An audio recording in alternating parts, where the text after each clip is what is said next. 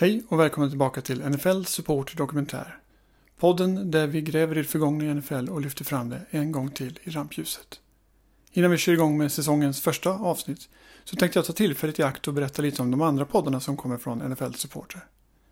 Tidigare har du till exempel veckans NFL, veckans college, men nu har du även veckans fantasy. Podden för dig som håller på med fantasyfotboll och vill veta mer. Så spara in de tre. Veckans NFL, veckans college och veckans fantasy. Men nu tycker jag vi rullar igång det här.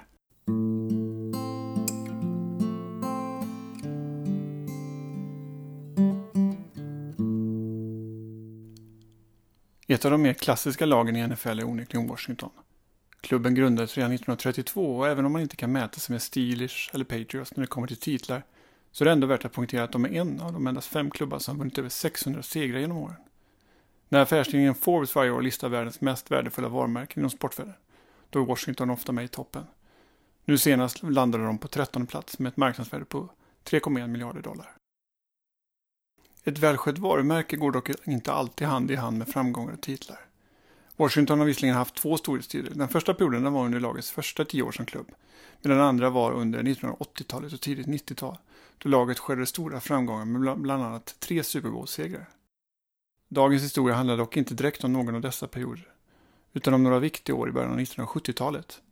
En period där en man förvandlade ett lag på dekis till en vinnande klubb igen. En framgångshistoria om ett annorlunda lagbygge, fusk samt ett gediget hat gentemot stiliga coacher från Texas. No good. Wide right. Just win, baby.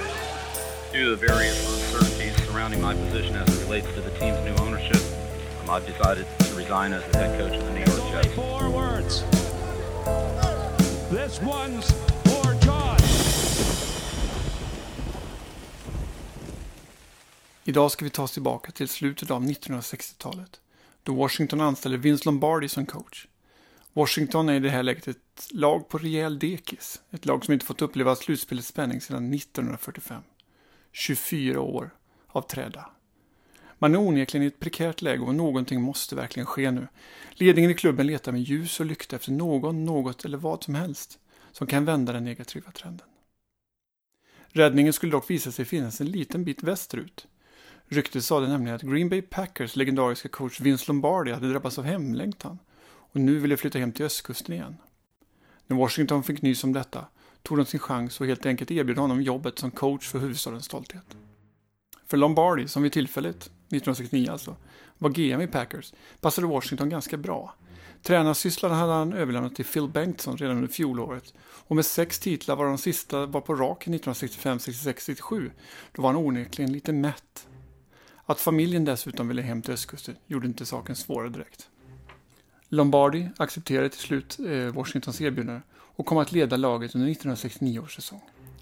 Lombardis närvaro märktes direkt och även om han inte bärgade några bucklor till staden så lyckas man åtminstone skrapa ihop fler vinster än förluster. Bara det är en framgång. Något som man inte hade lyckats med på 14 år. Men säg den lycka som varar för alltid. Framgångarna överskuggades snabbt av det faktum att Lombardi hade drabbats av cancer och sedermera hastigt avled i början av 1970.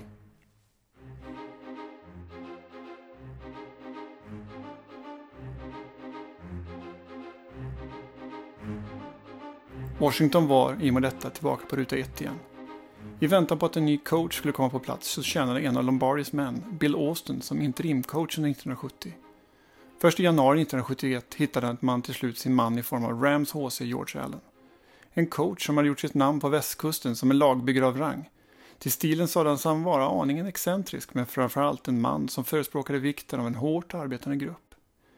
Förutom det här och ett bra CV hade Allen också en annan egenskap som gjorde honom perfekt för jobbet. George Allen hade ett osedvanligt stort hat gentemot Dallas Cowboys. En egenskap som man inte ska underskatta. Speciellt inte i NFC East.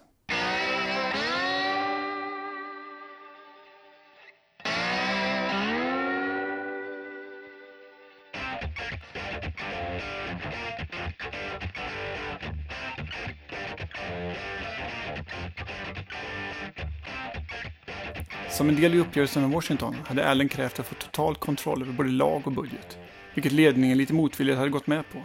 Men deras situation var så dålig så de kände att de var tvungna att göra vad som helst för att få en coach på plats. Föga anade de då vad som skulle ske. George Allen var nämligen en annorlunda man, som visserligen hade en vinnarskalle av stora mått, men som också bjöd på en hel del egenheter som inte alla direkt älskade. I grund och botten var George Allen som sagt en hårt arbetande man, som mer eller mindre bodde på träningsanläggningen. Arbetsdagar på 15-16 timmar var ingen ovanlighet. Och för att spara tid åt han ofta glass eller jordnötssmör eftersom detta var så väldigt lätt att tillreda och tugga. Vidare konsumerade han även stora mängder mjölk. En vana som även visade sig vara populär bland andra coacher. Teorierna kring det här går isär, men en del eh, experter menar att NFL-coachers ofta ganska stressiga vardag emellanåt leder till magsår.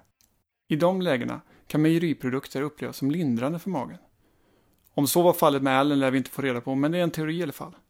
I övrigt var han en renlevnadsman av stora mått som varken rökte eller drack och som inledde varje dag med att springa några kilometer. När det kom till spelartruppen visade sig Allen vara en annorlunda man därmed. Han hade nämligen den lilla egenheten att han inte gillade unga spelare. Detta eftersom han upplevde att det var jobbigt och tidskrävande att lära dem hur man spelar i NFL. Enligt Allen själv hade han aldrig sett en bra college-spelare, vilket gjorde det tämligen ointressant att värva sådana. Allens favoritspelare var istället de rutinerade rävarna. Inte sällan de som andra lag haft problem eller som många ansåg hade passerat bäst före för länge sedan. Hur går en sån här syn på spelare ihop med något så grundläggande som den årliga draften? Ja, inte alls skulle man kunna säga. George Allen hatade draften och gjorde allt för att byta bort sina draftpicks så bara gott det bara gick. Skulle han kunna skänka bort dem på stan hade han troligtvis gjort det med. Faktum är att Washington under hela 1970-talet inte hade ett enda val i första rundan. Första dagen av draften var mer eller mindre att anses som en ledig dag för Washingtons fans under ett helt decennium. Men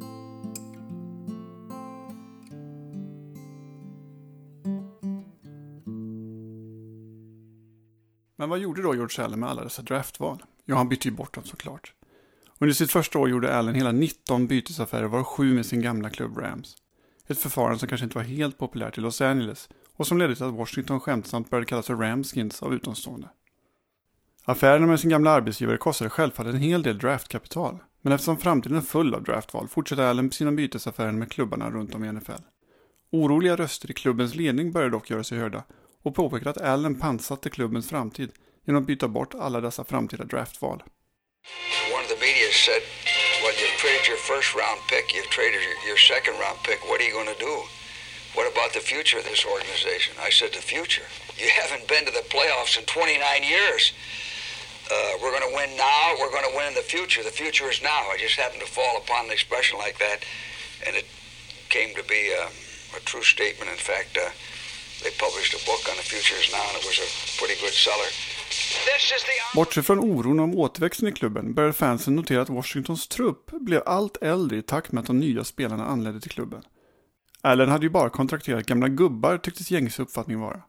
Vilket på sätt och vis var eh, sant. Många av de nya spelarna var onekligen äldre och hade inte sällan med sig en hel del skavanker när de anlände till Washington. Laget fick därför namnet The Over the Hill Gang, döpt efter en westernkomedi som var populär vid tillfället. Filmen handlar om ett gäng äldre avdankade Texas Rangers som en sista gång skulle rädda sin lilla stad.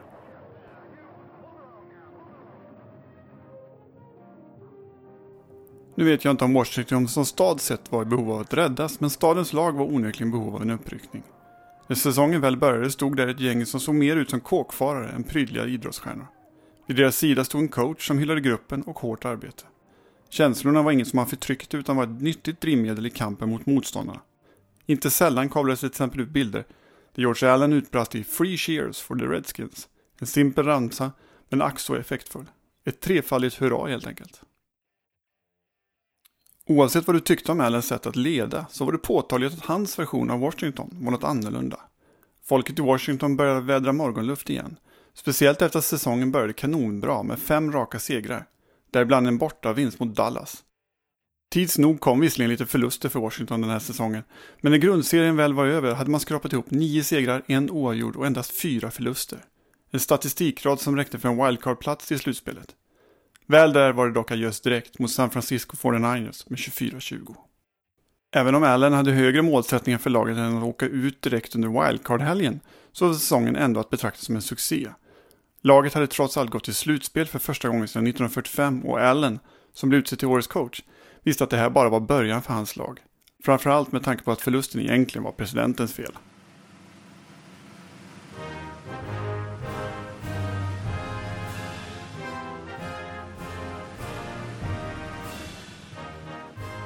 Ja, du hörde rätt.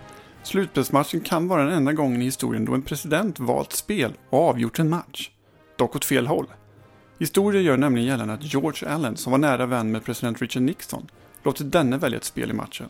Ett spel som sedermera ledde till lagets förlust. Sant eller falskt? Vem vet? Ryktet kring den här historien kommer dock troligtvis från att lagets QB, Bobby Kilmer, som några dagar innan den beryktade slutspelsmatchen hade ett möte med Allen för att gå igenom matchplanen. Telefonen lär då ha ringt och Allen hade då demonstrativt lämnat över luren till Kilmer för att påvisa att det verkligen var presidenten som var i luren. Nixon ska under det här samtalet då ha tipsat om att de borde köra en reverse på 49ers. Ett spel som laget sedan kört i ett mycket prekärt läge under matchen och med synnerligen dålig utgång.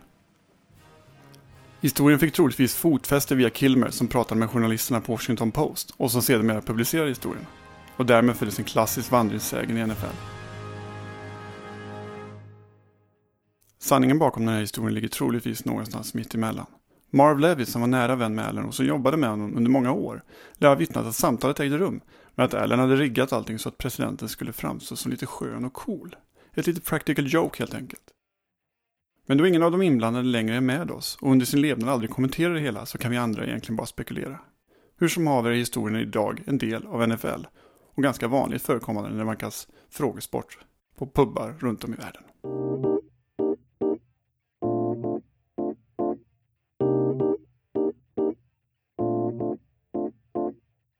Efter säsongen var det återigen dags för draft. En tillställning som vi redan lärt oss att Allen inte direkt uppskattade. Nu innebar inte draften detta år någon större uppoffring eftersom Washington inte hade några draftval alls i de sju första omgångarna. Så man kan säga att Allen hade minst sagt eh, förväntat sig en ganska lugn helg. Ja, helt lugn kanske det inte blev trots allt. Det uppstod nämligen en viss uppståndelse när Jets skulle använda det val som de bytt till sig från Washington under fjolåret. Det visade sig nämligen att Rams också hade bytt till sig exakt samma draftval. George Allen hade helt enkelt gjort två affärer med samma draftkapital. Fusk menar många. Medan Allen själv tyckte det var mer att anse som ett olycksfall i arbetet. Det är trots allt så jäkla mycket man ska hålla reda på när man är coach i NFL menar han. En fullt plausibel förklaring förstås, som mycket väl kunde dupera ligan och de andra lagen. Men tyvärr för Allens del så dröjde det inte länge förrän Buffalo och San Diego kom dragande och noterade att de också hade haft samma draftval. Val som de har betydelse från, ja, just det, George Allen. Ligans VD, Peter Rosell, genomskådade nu Allens fusk och bötfällde honom rejält och beordrade honom att kompensera de andra lagen på ett korrekt sätt. Allen hade självfallet inget annat val än att göra som han blev tillsagd, även om han aldrig erkände det inträffade. Till sin död hävdade han att han bara hade haft lite otur. Belackan menar dock att Allen byggde upp ett slutspelslag genom fusk.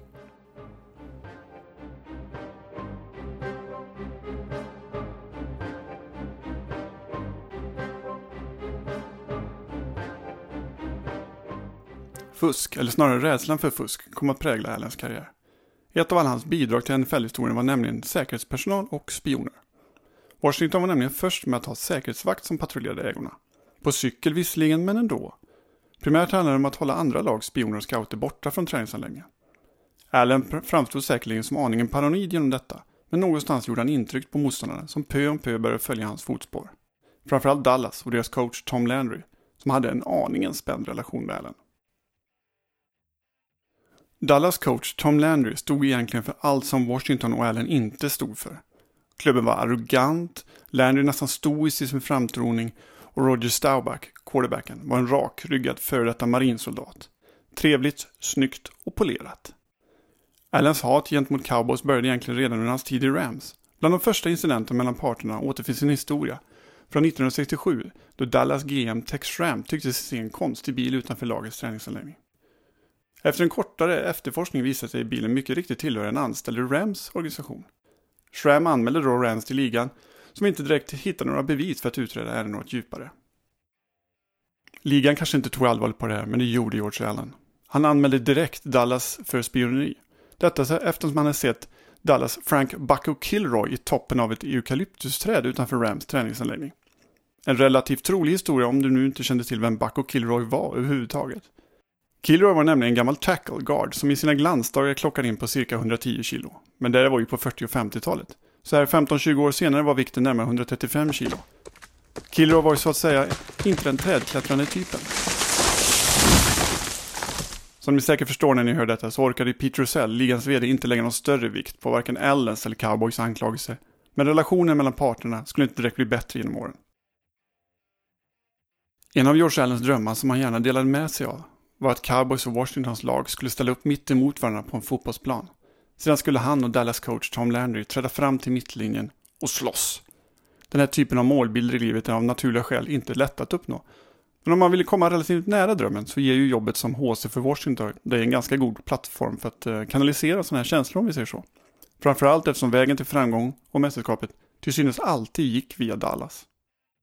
Nu kan man ju inte gå runt och slå ner folk hur som helst, men drömmen för Allen hade säkerligen varit att besegra Cowboys med typ 50-0 i en Super Bowl.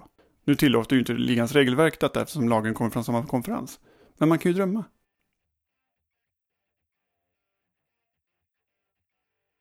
Allen och Washington hade visserligen slagit Dallas redan under grundserien av 1971 års säsong, men det vore ju skönt med en något större skalp. Med det som drivkraft och dessutom stärkt av framgångarna från fjolåret gick Washington in i 1972 års säsong med huvudet högt. 1972 var säsongen Washington skulle bygga vidare på fjolåret. En slutspelsplats var inte tillräckligt längre, utan målet var självklart att ta hela mästerskapet. Grundserien började även detta år mycket bra. Och även om laget inkasserade både en vinst och en förlust mot ärkerivalen Dallas stod Washington i slutändan som segrare av NFC East med mäktiga 11 segrar i bagaget. Framgångarna tog inte slut där utan Washington fortsatte sitt segertåg även i divisionsrundan där klassiska Green Bay Packers fick se sig besegrade med 16-3. En seger som var Washingtons första slutspelsseger sedan 1943. Väl framme i konferensfinalen möttes Washington sedan av värsta möjliga motstånd. Dallas Cowboys. Eller värsta värsta. I George Allens värld var det det här drömmen ju. Tänk att få piska upp Dallas på bästa sändningstid. I slutspelet. Att säga att Allen levde för dessa ögonblick var ett understatement av Guds nåde. Inför ett möte med Dallas, kanske detta, har linebacken Rusty Tillman berättat en fantastisk historia om hur det kunde gå till under så kallad Dallas-vecka. När man mötte Dallas helt enkelt. Radioteatern ger. Tänk er ett stort rum på en träningsanläggning. Det är dags för matchgenomgång inför den mycket viktiga matchen mot Dallas Cowboys. Alla är där. De assisterande coacherna, spelarna. Den enda som inte har dykt upp än är George Allen. Plötsligt hörs en stor gong ljuda. In glider ett gäng män av asiatiskt ursprung samt HC George Allen. Alla iförda typisk karatemundering. Spelarna fattar vad som är på gång och börjar skandera. George, George, George, George, George, George, George. Allt medan huvudpersonen själv börjar prata om Dallas och sin favoritdröm. Ni vet den där som vi pratade om tidigare. Då Allen och Landry skulle mötas i ett rejält rallarslagsmål mitt på deras plan. Om han kunde spela Landry, ja då skulle spelarna kunna spela Dallas. Nu var ju den här fighten av många olika anledningar omöjlig att genomföra, varvid Landry i det här fallet hade blivit utbytt mot fyra stycken brädor. Brädor som nu Allens karatekompisar höll upp framför den lätt extatiska publiken. Allen förklarade att han nu skulle slå av två plankor och samt sparka sönder de två resterande. Stämningen i rummet steg allt mer och samtliga skanderade nu coachens namn i kö. George! George! George! Allen samlade sig, tog några djupa andetag och skrek. Med ett bestämt utfall attackerade Allen plankorna och delade dem på utlovat vis till publikens stora glädje. Kan jag krossa plankor kan ni krossa Dallas.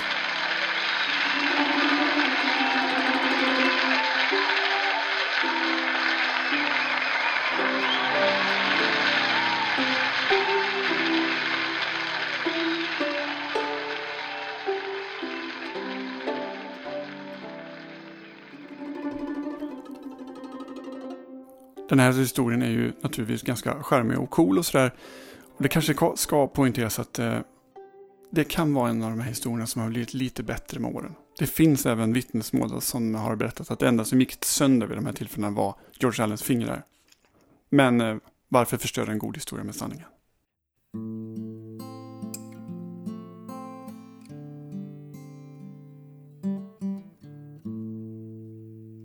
Det då blir dags för konferensfinal 1972. Stämningen inför matchen var hög och det var nästan som att folk inte brydde sig om att det faktiskt bara rörde sig om en semifinal.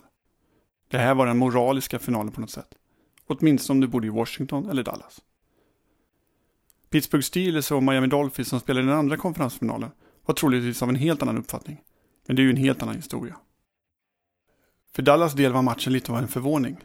Visst var laget bra, men deras självklara ledare, QBn eh, Roger Staubach, hade skadat sig under försäsongen, vilket hade lett till att laget hade fått förlita sig på veteranen Craig Morton istället.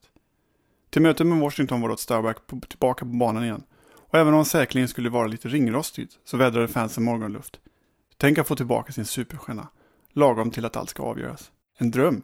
Mästerskapen var onekligen inom räckhåll.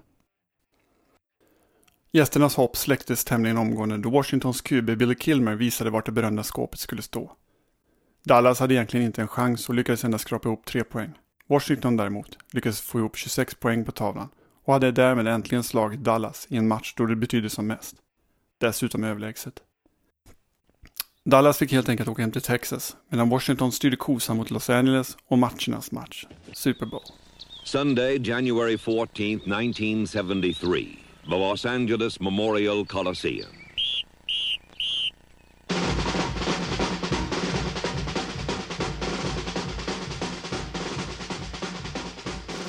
Den 14 januari var det slutligen dags för Super Bowl 7.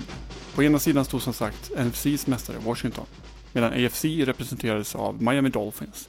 Ett Dolphins som hade varit i final redan året innan, något som de säkerligen själv ville glömma eftersom de hade fått stort stryk av Dallas med 24-3. Super Bowl 7 blev en tillställning som gick till historieböckerna av många anledningar. Något som säkert många av er där hemma redan känner till eftersom det omnämns mer eller mindre varje höst av en mycket speciell anledning. Då pratar jag inte om den rekordhöga temperaturen på matchdagen, eller den rekordlåga poängen. Minst i en Super Bowl någonsin för övrigt, ett rekord som stod sig fram till februari i år. Nej, alla dessa rekord överskuggades av det faktum att Dolphins vann med 14-7 och därmed gick obesegrade genom hela säsongen 72. Något som de är ensamma om att klara av än idag. För att fira denna bedrift brukar de kvarvarande medlemmarna ur laget fira med lite bubbel, när det sista obesegrade laget faller varje höst. Närmast att slå detta rekord var Patriots 2007-2008 då de inte förlorade en match förrän i finalen mot Giants. Nyhetsfinalen med David Torres helmet catch.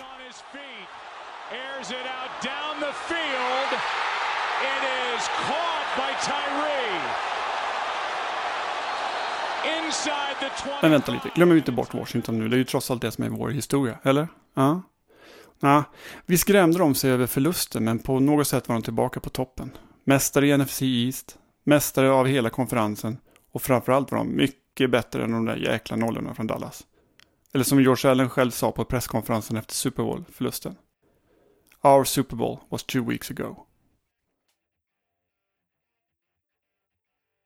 Washington och George Allen fortsatte att kampera ihop större delen av 70-talet. Även om samtliga säsonger under denna period innehöll fler vinster än förluster så skulle man inte uppnå samma höjder igen under Allens ledning. Kanske berodde det på hans sätt att hantera draften. Att byta bort din morgondag är kanske ett rätt sätt för att vända ett lag i kris. Men slutligen kommer tiden oftast ikapp dig. De gamla pensioneras och det unga gardet finns då inte där att ta över. Draftval var inte den enda typen av kapital som spenderades under den här tiden, utan även riktiga pengar gick åt som smör i solsken. Washingtons ledning har beskrivit tiden med Allen som att han fick obegränsad budget och han överskred den. Ledningen fick till slut nog och valde att entlediga Allen från sitt uppdrag 1977. Någon längre arbetslöshet var det dock inte tal om, utan Allen blev snabbt erbjuden jobb av sin gamla arbetsgivare Rams. Det skulle dock bli en väldigt kort session i klubben denna gång.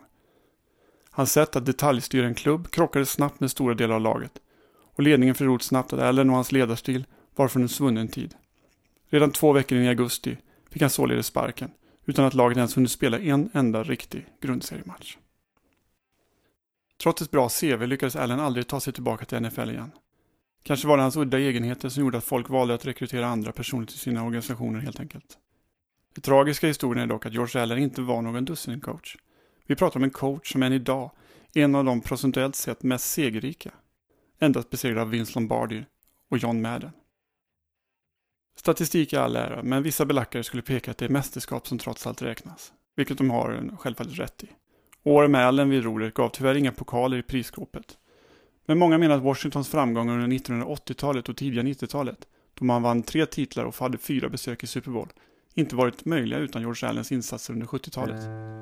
George Allen tog ett lag från rännstenen och förde dem tillbaka till rampljuset, där de hörde hemma.